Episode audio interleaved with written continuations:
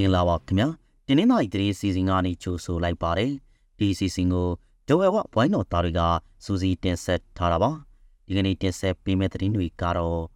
ပလောမျိုးနယ်ကကြောက်ကာရွာမှာစစ်ကောင်စီတပ်ကဆန်ရောက်ခွင့်ပိတ်ပင်ထားတဲ့အကြောင်း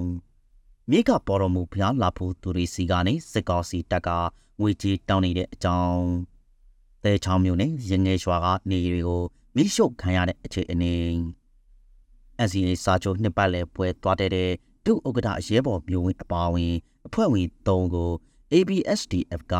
တာဝန်တွေယူသေးလိုက်တဲ့အကြောင်းဒေါ်ရမျိုးကအမျိုးသမီးတဲကိုစစ်ကောင်စီကထောင်ဒဏ်240ကျော်ချလိုက်တဲ့အခြေအနေမကြီးသည့်တက်ခူးတဲ့လူငယ်တူဓာတ်လိုက်လို့ဂရိတ်ကားကူညီနဲ့ကက်တင်လိုက်ရတဲ့အကြောင်းပါဝင်ရွှေနဲ့ထိုင်းပတ်စီအတဲကြအခြေအနေစားတဲ့သတင်းတွေကိုနားဆင်ရမှာပါ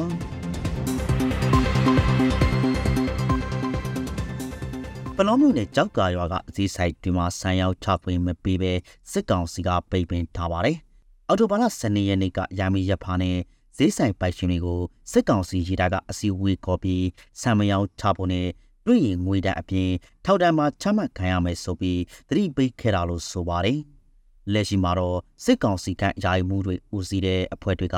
အိထောင်စူပါလူကြီးအတိုင်းပဲရောင်းချနေတယ်လို့ဆိုပါတယ်။ အခုလိုဆိုင်းရောက်ချဖွင့်ပေးထားတဲ့ကြောက်ကားရွာမှာအချီတထောင်ကျော်ရှိပြီးအများစုက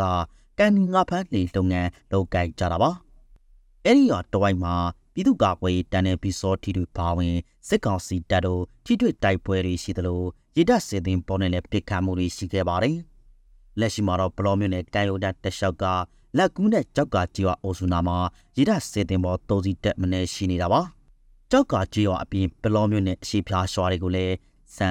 စီရိတ်ခါတည်ယူခွင့်ပိတ်ထားတာအခုဆိုရင်နှစ်နှစ်နီးပါးရှိနေပြီဖြစ်ပါတယ်။မြေက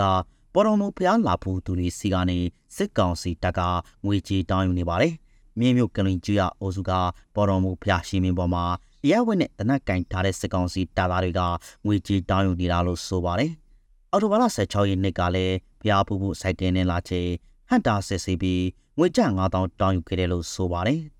စိုက်ကယ်နဲ့ပတ်သက်တဲ့လိုင်စင်စာအုပ်တွေပြည်စုံနေပေမဲ့ခုလိုမျိုးငွေတောင်းတဲ့အတွက်ပါလာတဲ့ငွေကျ2000ကိုပေးခဲ့ရတယ်လို့ဆိုပါတယ်။ဒါပြင်ဖျားရင်မြင်ပေါ်မှာအမှန်တရဓာတ်ပုံရိုက်ကြသူတွေစီကလည်းဓာတ်ပုံမရိုက်ရတဲ့နေရာမှာဓာတ်ပုံရိုက်တယ်ဆိုပြီး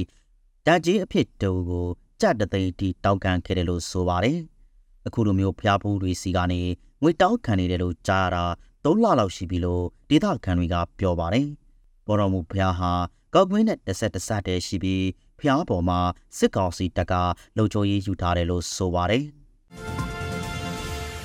ဒီနေ့မနေ့ကတဲချောင်းမြို့နယ်ရင်ငယ်ရွာလဲဘိုင်းကနေသုံးလုံးမီးရှို့ခံလိုက်ရပါတယ်။လက်နက်ကြီးလက်နက်ငယ်ပစ်ခတ်တံတွေကြားပြီးနောက်မိခိုးတွေတက်လာတာကိုမြင်ရတယ်လို့ဆိုပါတယ်။ပစ်ခတ်တာမီးလောင်တာအပါဝင်သိစိတ်အခြေအနေကိုတော့ Joy Watch ကစိုးစမ်းနေဆက်ဖြစ်ပါတယ်။ အော်တိုဘာလ9ရက်နေ့ကလည်းရင်ငယ်ကြေးရွာအုပ်စုကနေဒလုံးမီရှို့ခံလိုက်ရပါတယ်စစ်ကောင်စီတပ်ကအခုနှစ်ဂျွန်လကတည်းကရင်ငယ်ရွာနဲ့ကနဲ့တီတီရွာတွေကိုစစ်ကြောင်းထူပြီးနောက်ရင်ငယ်ရွာကမွေတောင်မှအခြေချတပ်ဆွဲထားတာပါစစ်ကောင်စီကဥဆောင်ကျင်းပတဲ့တနိုင်ငံလုံးပြစ်ခတ်တိုက်ခိုက်မှုရစဲရေးသဘောတူစာချုပ် NCA ရှင်းနေမြောက်နှစ်ပတ်လည်ပွဲကိုတက်ရောက်ခဲ့တဲ့ဒုဥက္ကဋ္ဌရဲဘော်မျိုးဝင်အပါဝင်အဖွဲ့ဝင်၃ကို ABSDF ကနိုင်ငံရေးနဲ့စီးရေးတာဝန်တွေရှို့သေးလိုက်ပါတယ်။အော်တိုဘာလ16ရက်နေ့ကလုပ်တဲ့ရေးပေါ်ဘုတ်ကော်မတီစီဝေးဆိုပြချက်အရဒုဥက္ကဋ္ဌရဲဘော်မျိုးဝင်းရဲဘော်စောမမောင်ဦးနဲ့ရဲဘော်မင်းစောတို့ကိုတာဝန်ကအကျိုးသေးလိုက်တာပါ။ဒါပြင် ABSDF ရဲ့မူသဘောထားရက်တီချက်တွေနဲ့စာချနာတွေဆက်မလုပ်ဖို့လဲသတိပေးထားပါတယ်။ကျောင်းသားတံမတော် ABSDF ဟာ